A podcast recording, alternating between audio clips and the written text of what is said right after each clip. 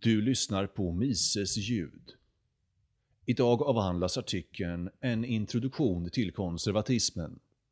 Författare Nicodemus Ung. Publicerades på mises.se 14 februari 2020. Artikeln är en sammanfattning från den av Nicodemus ledda filosoficirkeln som träffas under vårterminen 2020. Citat. Alla känner det vilda svårmod som griper oss vid minnet av lyckligare tider. Hur oåterkalleligt borta är det inte? Och vi är på ett obarmhärtigare vis skilda från dem än genom några avstånd.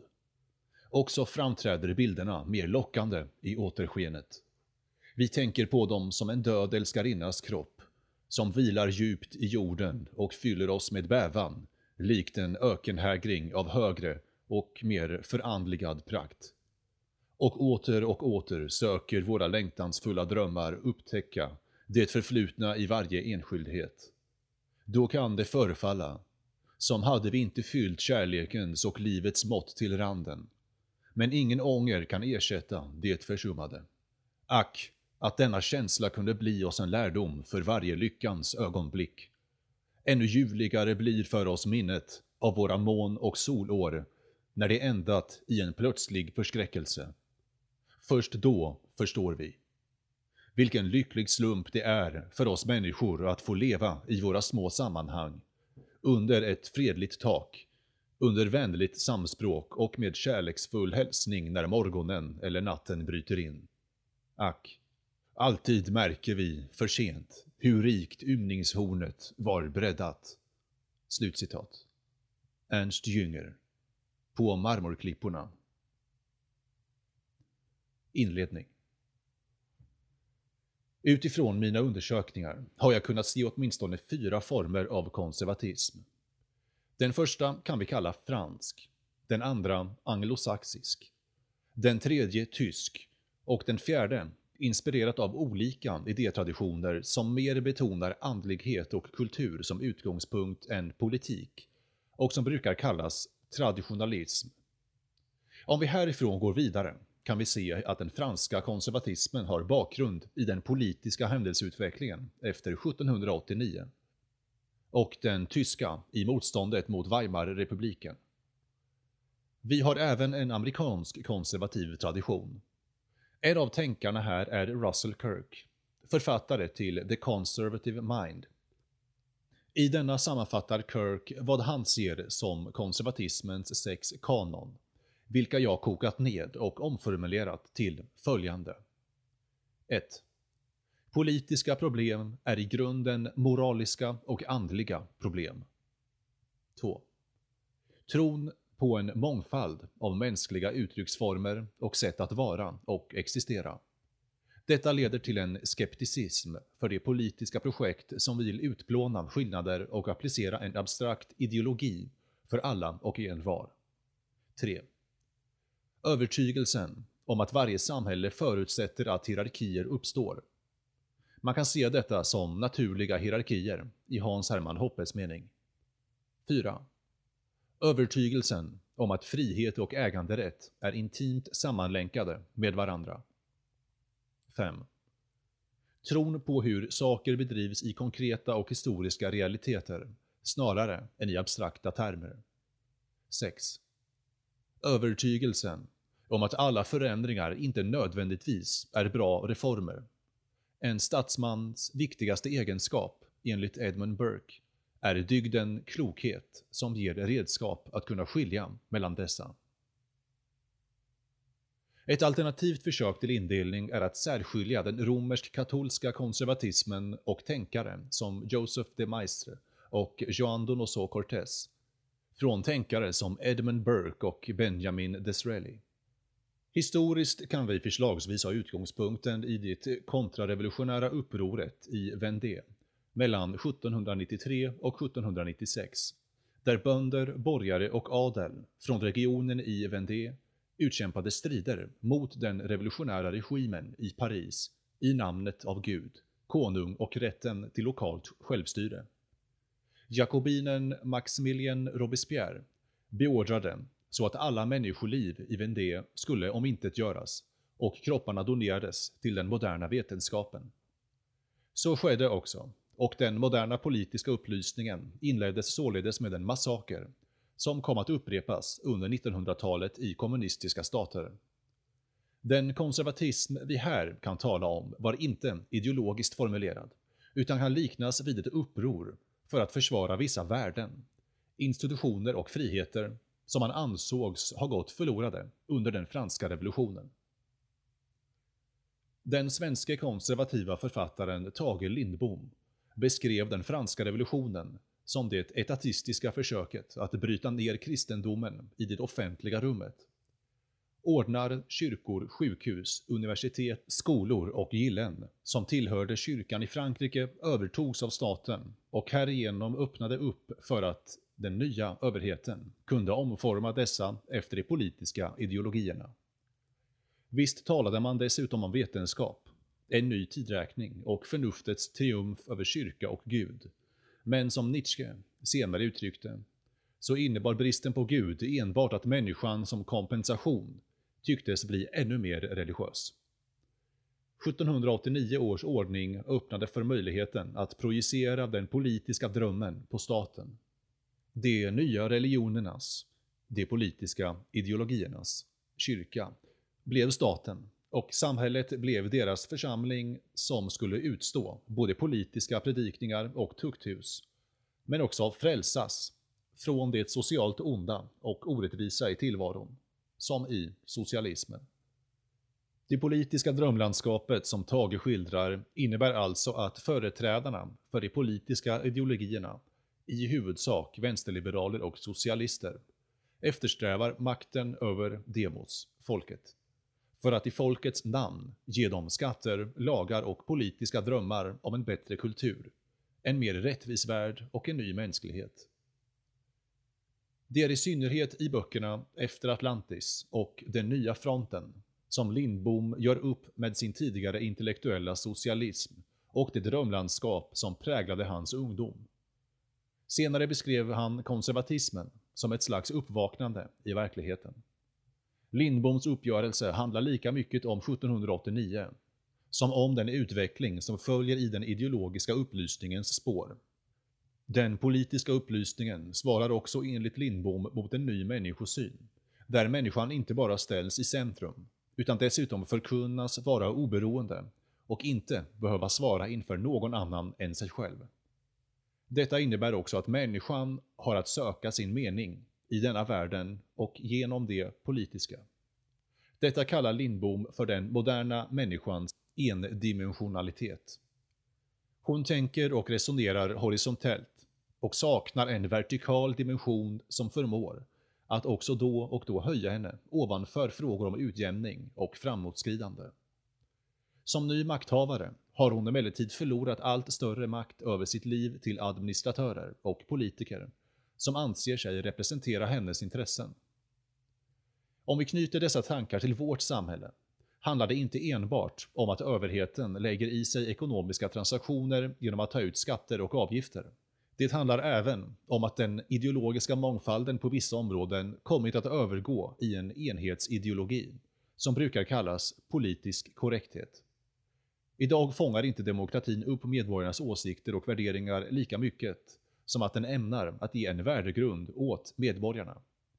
Staten koloniserar människans inre liv med normer, plattityder och värderingar i syfte att forma den människotyp som efterfrågas av det politiska systemet. Att försöka fånga in vad allt konservativt tänkande har gemensamt är svårgripbart.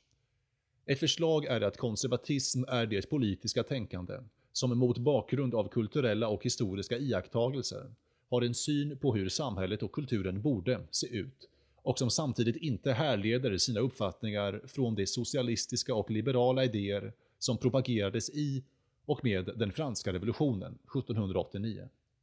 Och som inte heller är anhängare av någon annan idé i revolutionens kölvatten, som exempelvis en evolutionsbiologisk socialdarwinism, nationalsocialism, eller en hegeliansk statsnationalism, fascism, nationalsyndikalism eller en postmodern utveckling eller degenerering, av upplysningens och romantikens idéarv, postmodern vänster och postmodern höger, eller identitetspolitik åt vänster liksom åt höger.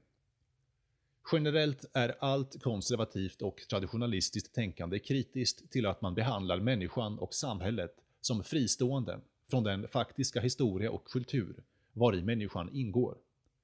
Detta är ett av de teman som Edmund Burke för fram i Reflections on the Revolution in France.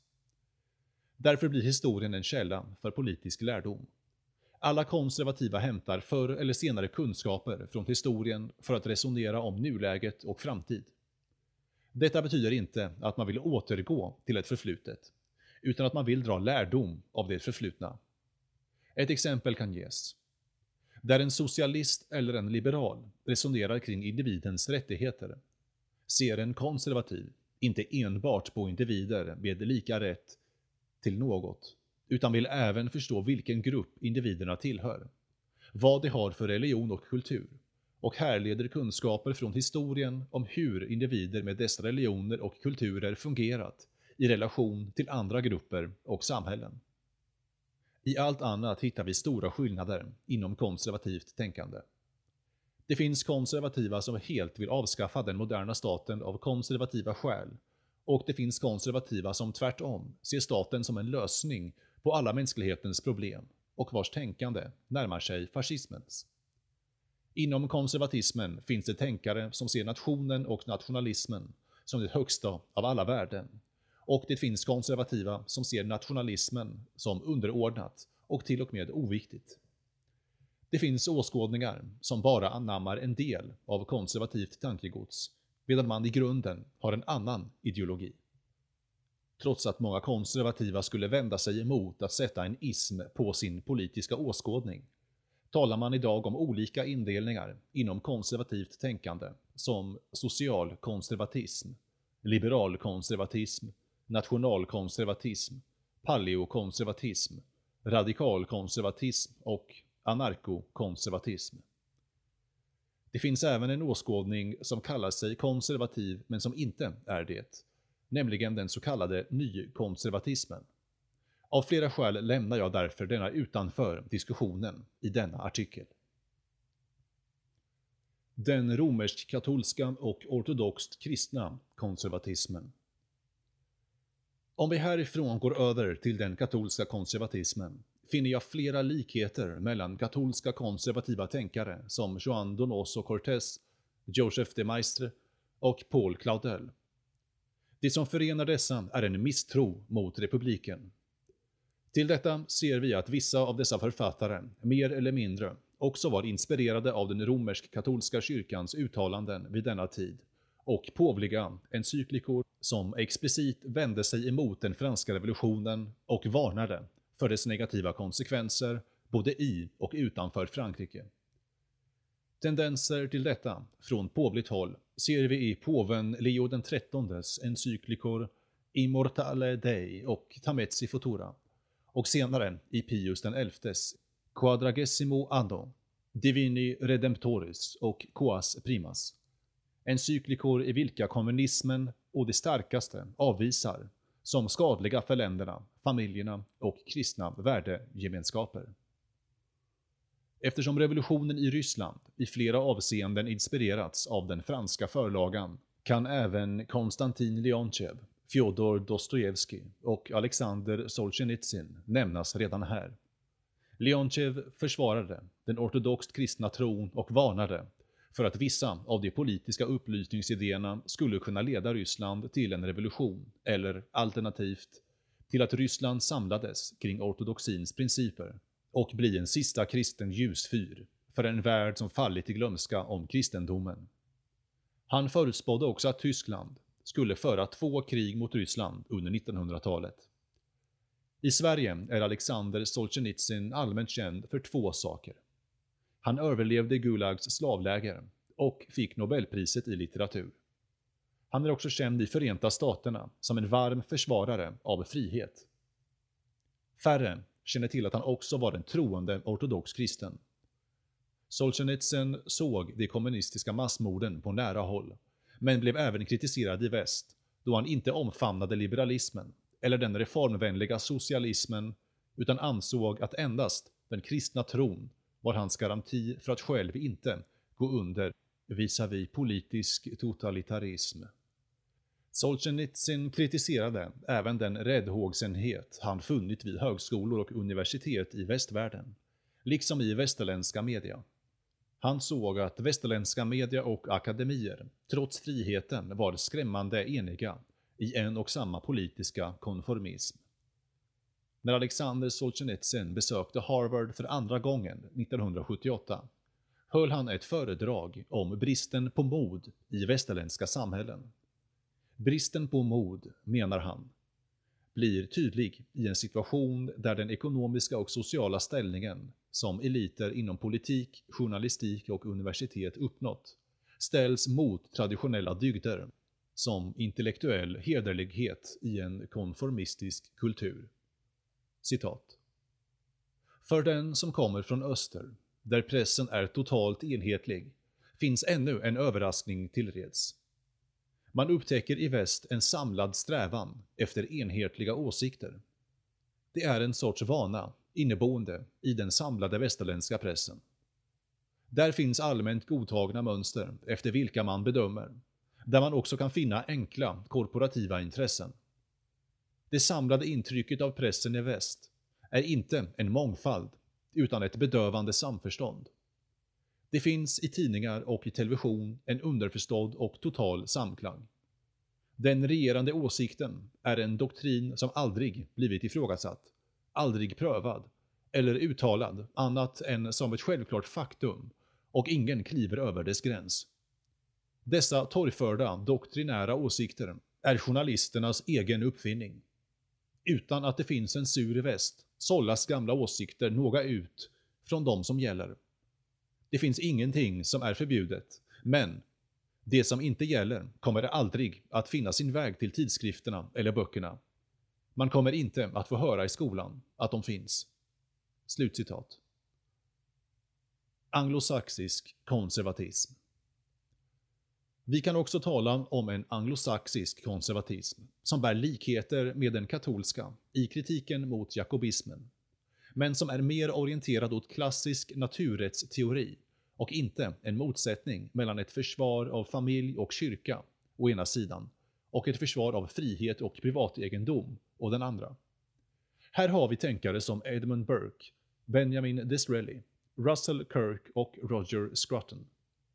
Anledningen till skillnaden står bland annat i att liberalismen i Frankrike 1789 var antiklerikal och motståndare till monarkin och kyrkan. Denna form av liberalism ville befria den inre människan från vad man såg som religionernas och traditionernas negativa påverkan. Den anglosaxiska konservatismen ville befria människan från statligt tvång och skatter och var mer grundad i Magna Carta än på 1789 års antikatolska liberalism. Några återkommande teman är försvaret av familjen, privat äganderätt, lokalt självbestämmande, misstron mot alltför hög grad av centralisering av politisk makt och samtidigt misstro mot en oreglerad marknadsekonomi och en syn på staten som en garant för polisiära, militära men och sociala samhällsbehov.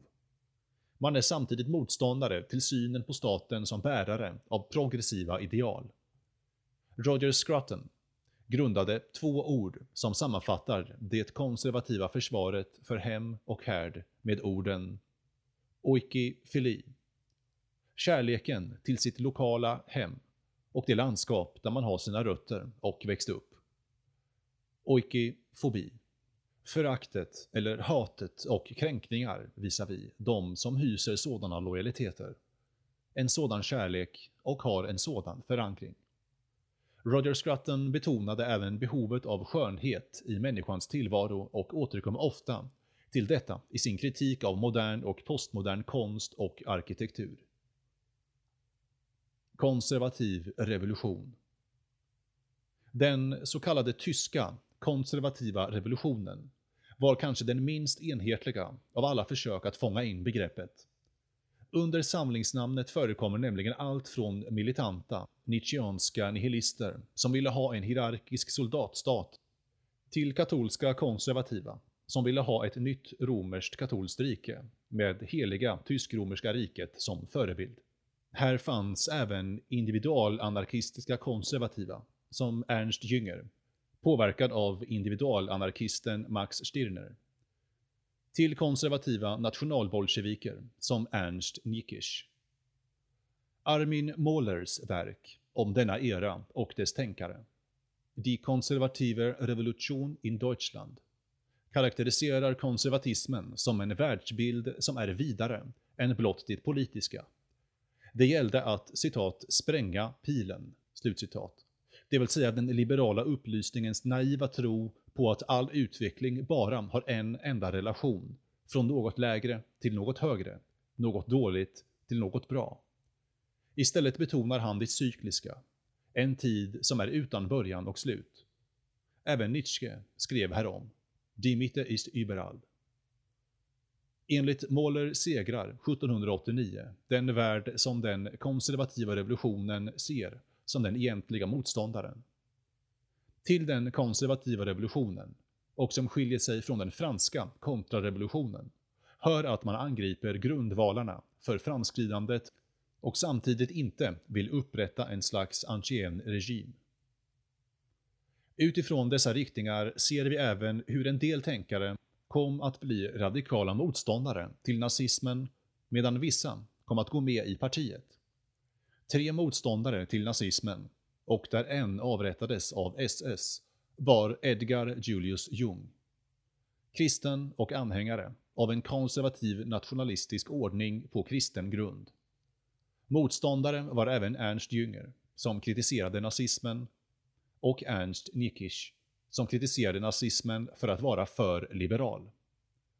I den tyska konservativa revolutionen finner vi även Oswald Spengler, känd för boken Västerlandets undergång, filosofen Martin Heidegger och rättsteoretikern Carl Schmitt. Personligen har jag en särskild relation till Jünger på grund av hans språk. Faktum är att jag aldrig läst en vackrare prosa än den Jünger använder i boken På marmorklippornas berg, som skildrar den gamla tyska kulturen och genom symbolspråk kontrasterar den med det tredje riket. Känd är Jünger även för sin ärlighet och sin blick. I sina dagböcker från första världskriget, i Stålstormen, där han var frivillig, skildrar han svåra mödor men också tillfällen för heroism, samt ett rus som en ung man kände när han lyckades kämpa ner fienden. Liknande uttryck blev även för mycket för den värld som växte fram efter 1945 och trots Jüngers antinazism hade det moderna Tyskland ett tvetydigt förhållande till honom. Mer öppna har vänsterintellektuella varit än exempelvis borgerliga kulturtidskrifter. I romanen Jumsville som är en efterkrigsroman, skildrar Jünger det konservativa anarkbegreppet. Anark är enligt Jünger en kontrast till anarkisten. Anarken är konservativ, men radikal och farlig, även han. Anarken inspireras av historien, rycks sällan med en ny ideologi, om den inte är för att den tjänar hans syften. Anarken är inte motståndare till monarken, utan dess pendang. Andra romaner är byggda på gestalter som Skogsvandraren och Arbetaren. I Över linjen skildrar Jünger hur de moderna administrationerna vittnar om en nihilism som slagit följe med systematiken och där lekarna i sadomasochistisk akt som tömt sexualiteten på mening och kärlek påminner om de moderna administrationernas likgiltighet inför det mänskliga. Jünger återkommer till temat i romanen Heliopolis, där bokens protagonist, Lucius de Geer, inser att det moderna tyranniet i Heliopolis stat skedde utifrån landsfogdarnas beslut, där han satt som spindeln i nätet i en gigantisk kontrollapparat som styrde alla medborgare. Här skyfflades papper från bord till bord, fick en stämpel av avslag eller godkännande av landsfogden och nihilismen upprätthålls på ett mekaniskt vis. Lucius inser här något fruktansvärt, vilket flera av medborgarna i staten inte insett. Citat. att alla beslut, all tyranni, allt slaveri, alla mord, alla beslut som reglerade deras tillvaro saknade mål och riktning. Det var funktioner i ett system som skalats av alla värden och alla historiska mål. De existerade för sin egen skull. Det enda som fanns kvar var blott administrationen och systemet som sådant. Slutcitat. Återkommande konservativa teman 1789 och 1917 Konservativa reagerar mot 1789 av flera skäl. Å ena sidan kan vi se på några specifika historiska skeenden.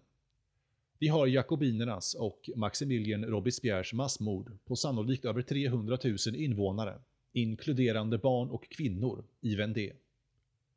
Det borde påpekas att det finns olika bedömningar av hur många som fick sätta livet till. Några uppskattar antalet dödade som högre, andra som lägre. De som gjorde uppror i Vendée var bönder, borgare och adel som tillsammans sökte enhet för att bevara den romersk-katolska trons offentliga ställning i samhället. De ville också ha en ökad makt att styra sig själva lokalt och var motståndare till den republikanska enhetstanken. Robespierre iscensatte det första massmordet i modern tid och beordrade att inget människoliv skulle andas i Vendée. Alltså inte ens spädbarn. Kropparna ville han dessutom skänka till den moderna vetenskapen. Vi har därutöver förstatligandet av jordegendomar, kyrkobyggnader, kloster, skolor, sjukhus och korporationen. Vi har giljotinen, politiska mord och förstörelsen av Frankrikes katolska kulturarv. 1789 var början på den våg som skulle mynna ut i 1848 års revolutioner och i revolutionen i Ryssland 1917. Tillsammans satte dessa revolutioner prägel på 1900-talet och företrädarna för de politiska ideologiernas mord på dem som inte passade in i deras ideologiska drömlandskap. Det konservativa motståndet handlar dessutom inte om något så ensidigt som ett försvar av adelns privilegier och gamla hierarkier, utan om vilken djupare kulturell riktning Frankrike ska ha. Det handlar om huruvida Frankrike, som tidigare varit en ljusfyr i försvaret av det kristna västerlandet, skulle förvandlas till en sekulär republik. Det handlar om den kristna tron ska förbjudas i kulturlivet och bara vara en privatsak. Än idag är det kontroversiellt att föra på tal om ett sjukhus eller en skola ska få bedrivas i kristen regi eller om centralmakten ska driva allt. Eftersom Vendée tydligt demonstrerar att människorna på en stor region i Frankrike inte inspireras av den jakobinska ideologin och frivilligt vill underordna sig den ateism och centralism som Robespierre vill påtvinga dem från Paris, har de då inte rätt till liv och frihet? Den 25 september 1993 var Alexander Solzhenitsyn inbjuden att hålla ett publikt anförande på minnesdagen över revolten i Vendée. Hans tal är värt att nämna i detta sammanhang. Solzhenitsyn säger så här. It would be vain to hope that revolution can improve human nature. Yet your revolution, and especially our Russian revolution, hoped for this very effect. The French Revolution unfolded under the banner of a self-contradictory and unrealizable slogan. Liberty, equality, fraternity. But in the life of society, liberty and equality are mutually exclusive, even hostile concepts. Liberty, by its very nature, undermines social equality, and equality suppresses liberty. For how else could it be attained? Fraternity, meanwhile, is of entirely different stock. In this instance, it is merely a catchy addition to the slogan. True fraternity is achieved by means not social, but spiritual. Furthermore, the ominous words, or death, were added to the threefold slogan, effectively destroying its meaning. I would not wish a great revolution upon any nation. Only the arrival of Thermidor prevented the 18th century revolution from destroying France. But the revolution in Russia was not restrained by any Thermidor, as it drove our people on the straight path to a bitter end, to an abyss, to the depth of ruin. One might have thought that the experience of the French Revolution would have provided enough of a lesson for the rationalist builder of the people's happiness in Russia. But no. The events in Russia were grimmer yet, and incomparably more enormous in scale. Lenin's communism and international socialists studiously reenacted, on the body of Russia, many of the French Revolution's cruelest methods. Only they possessed a much greater, a more systematic level of organizational control than the Jacobins. Slutcitat. Samma år som revolutionsåret 1917 inrättade bolsjevikerna ett folkkommissariat för upplysning, där de introducerade ett program för hur man ska dekonstruera och ersätta kristendomen i skolor med marxistisk vetenskap. Uppgiften hamnade på lärarkåren. Även språket förändrades och de ryska ord som används för Gud och tro gavs en negativ klang. Julfirande och liknande kristna högtider dekonstruerades också. Trots helige Nikolajs starka ställning i rysk folkfromhet ersatte man honom med farbror Frost. Det kan dessutom ge en missvisande bild att se på både den franska och den ryska revolutionen som något som bara inträffar under ett årtal, 1789 respektive 1917. Den franska revolutionen kan till exempel ses som en process som börjar innan 1789 och slutar med fredsfördraget 1815. Ur ett annat perspektiv kan revolutionen från 1789 och 1917 tolkas som en och samma fortlöpande revolution. Revolutionen 1917 avslutas sedan inte heller detta år, utan sträcker sig åtminstone fram till 1935. I likhet med den franska revolutionen förklarade Lenin att all kyrklig egendom skulle konfiskeras av staten.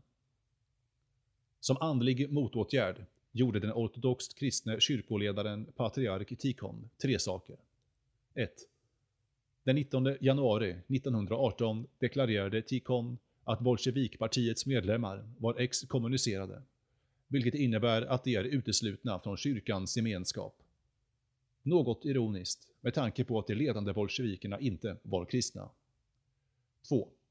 Han gav rysk-ortodoxa biskopar i utlandet mandat att skapa autonoma församlingar och uppmanade människor att söka sig bort från den nya staten. 3. Han uppmanade alla ortodoxt kristna att bevara tron intill döden och att bekämpa bolsjevismen. Som svar eskalerade förföljelserna. Bara några få månader efter patriark Tikons exkommunicering hade över 1000 präster och biskopar mördats tillsammans med ännu fler församlingsmedlemmar. Vid årets slut hade 579 kloster stängts ned, eller demolerats och dess nunnor och munkar mördats. Vi talar här om allt från mindre kloster med ett hundratal residenter till kloster med flera tusen religiösa utövare. Det finns osäkra uppgifter hur många som fick sätta livet till.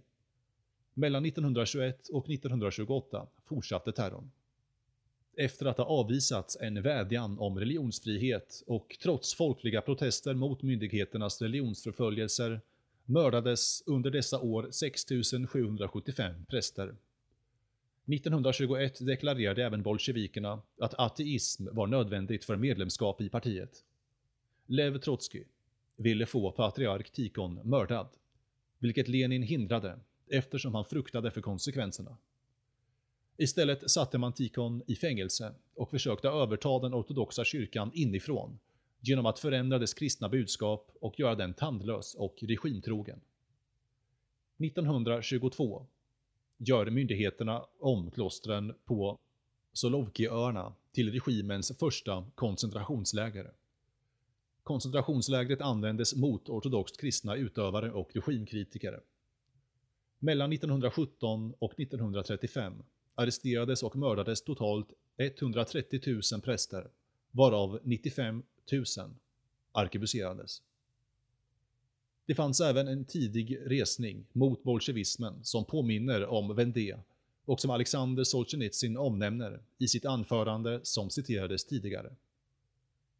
Mellan 1920 och 1921 reser sig bönderna i regionen Tambov Oblast och delar av Voronezh mot bolsjevismen. Uppskattningsvis deporterades 100 000 bönder och deras familjer och av dessa arkebuseras 15 000. Detta var början på Gulaglägren. Gulag, som kom att bli det största slavläger som världshistorien har sett. Massakrer förekom regelbundet på fångarna. Det tragiska med tiden innan revolutionen var att tsar Nikolaj IIs ministerpresident Piotr Stolypin genomförde flera av de sociala reformer som gav bönderna rätt till privategendom. Han ville skapa självägande bönder och fortsätta med tsar Alexanders den andres jordbruksreformer. Dessvärre blev han mördad av kommunisten Dmitrij Bogrov 1911. Stolypin hade dessförinnan utsatts för flera mordförsök. Nation eller hem? Den nationalism som flera konservativa tar avstånd ifrån idag är den nationalism som uppstod efter den franska revolutionen och som vi ser komma till uttryck i 1848 års revolutioner. I den italienska enhetsrörelsen ledd av Giuseppe Garibaldi, som inspirerades av romantiken och kanske i synnerhet av Johan Gottfried Herder och av 1800-talets biologism. Det är den nationalism som också senare utmanar och söndrar det Habsburgska imperiet och mynnar ut i framväxten av fascistiska partier och rörelser i Europa under mellankrigstiden. Det är en nationalism som också då och då har gift sig med både liberalism och socialism. I Tyskland kallades detta äktenskap nationalsocialism.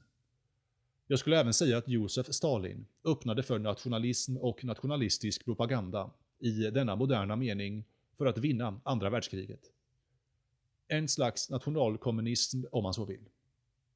I fascismens doktrin, vars första del i högerhegelianen Giovanni Gentil spökskrev åt Benito Mussolini, heter det dessutom allt genom staten, intet utanför staten.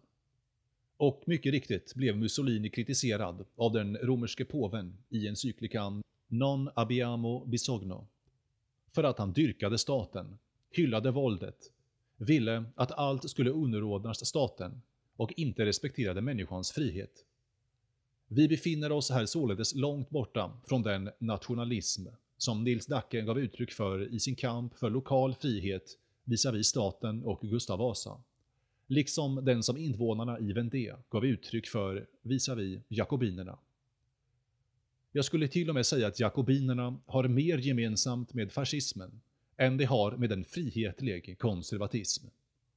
Utöver att fördöma kommunismen i den påvliga encyklikan Divini Redemptoris och fascismen i Non abgeamo bisogno fördömdes även nationalsocialismen i Mitt Brenneder Zorge. Nationalsocialismen fördöms för dess styrkan av rasen, antisemitism och kult av ledaren. Kommunismen fördöms för att den går emot alla andliga och mänskliga värden.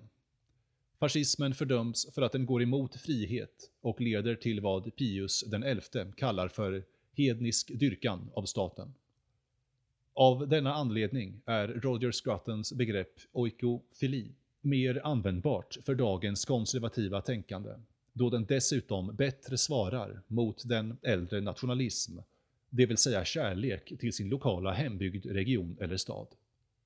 Begreppet handlar mer om kärlek till sitt lokala landskap och sin lokala kultur och dialekt, än om frågor som rör ett helt land och en abstrakt identitet.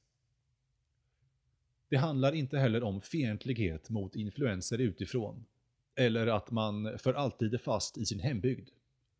Det handlar snarare om att man vill bevara vissa värden, dialekter och uttryck som man uppskattar där man bor och inte vill gå miste om dessa.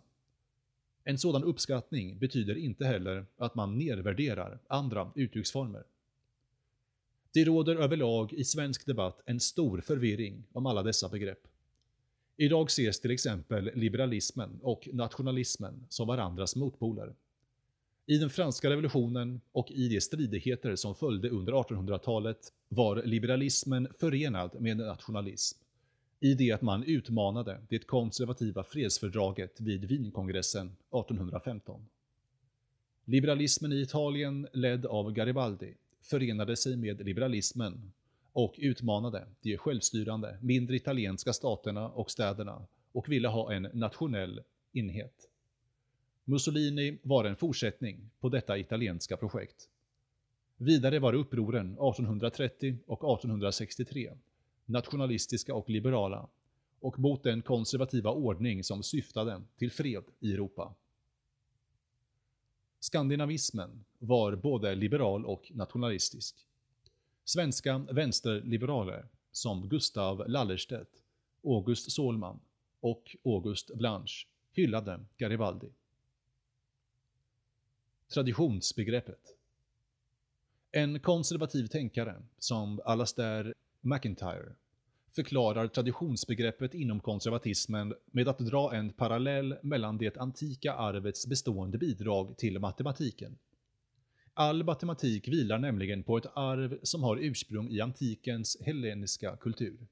Man utvecklar nya idéer och perspektiv inom matematiken, men glömmer inte sina rötter och förhåller sig till de lagar och regler som formulerades för tusentals år sedan. När man emellertid ser på samhället och på kulturen idag finner jag inte något liknande värdering av det arv som har gett oss konstarter, katedraler, vetenskaper, som lärt oss att uppskatta friheten och som har gett oss ett rättsmedvetande om att alla borde vara lika inför lagen. Istället finner man flera avbrott och i synnerhet i tiden efter den franska revolutionen.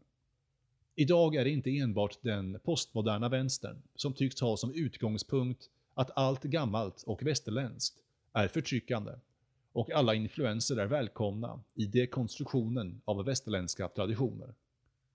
Oförmågan att stå upp för västerländska värden, när rättsnormer och allas likhet inför lagen på sina håll urholkas, kännetecknas också av detta. Ett djupare traditionsbegrepp har den grupp konservativa som brukar kallas traditionalister och som betonar den moderna världens avsaknad av en vertikal och andlig dimension och tendens till materialism och egalitarism. Svensken Tage Lindbom var exempelvis lärjunge till traditionalisten Fritiof Schuon.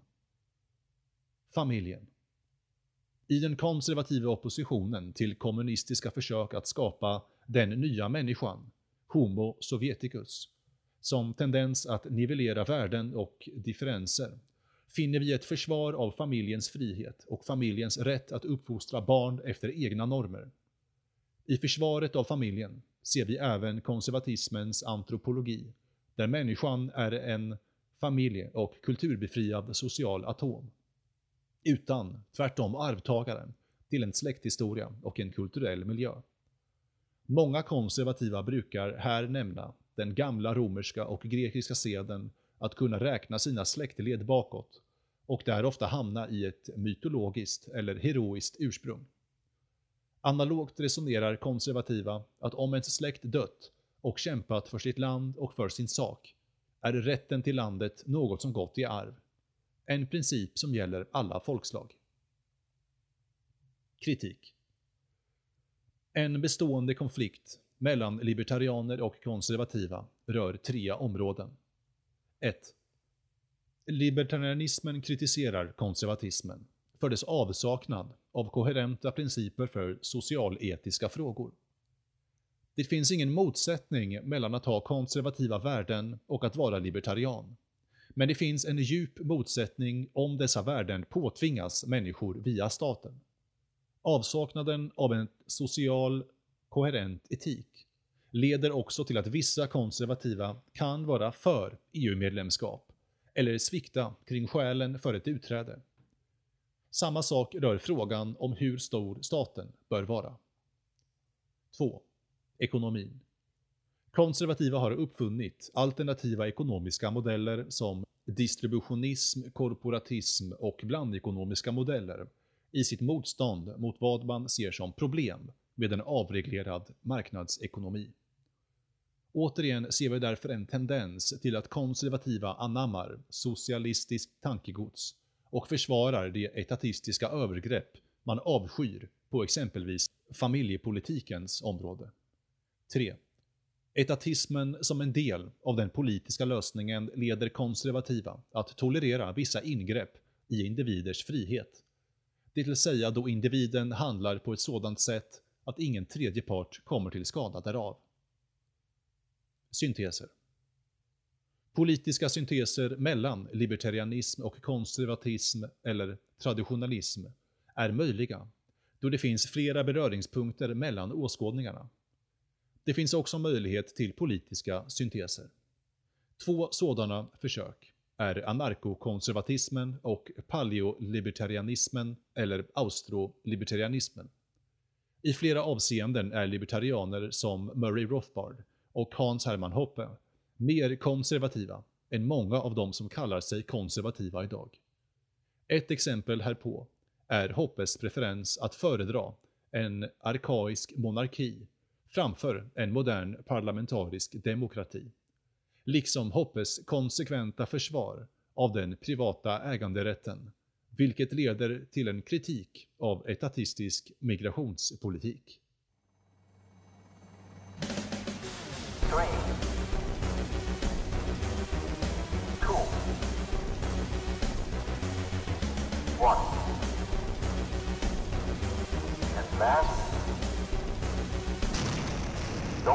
Your trust in politics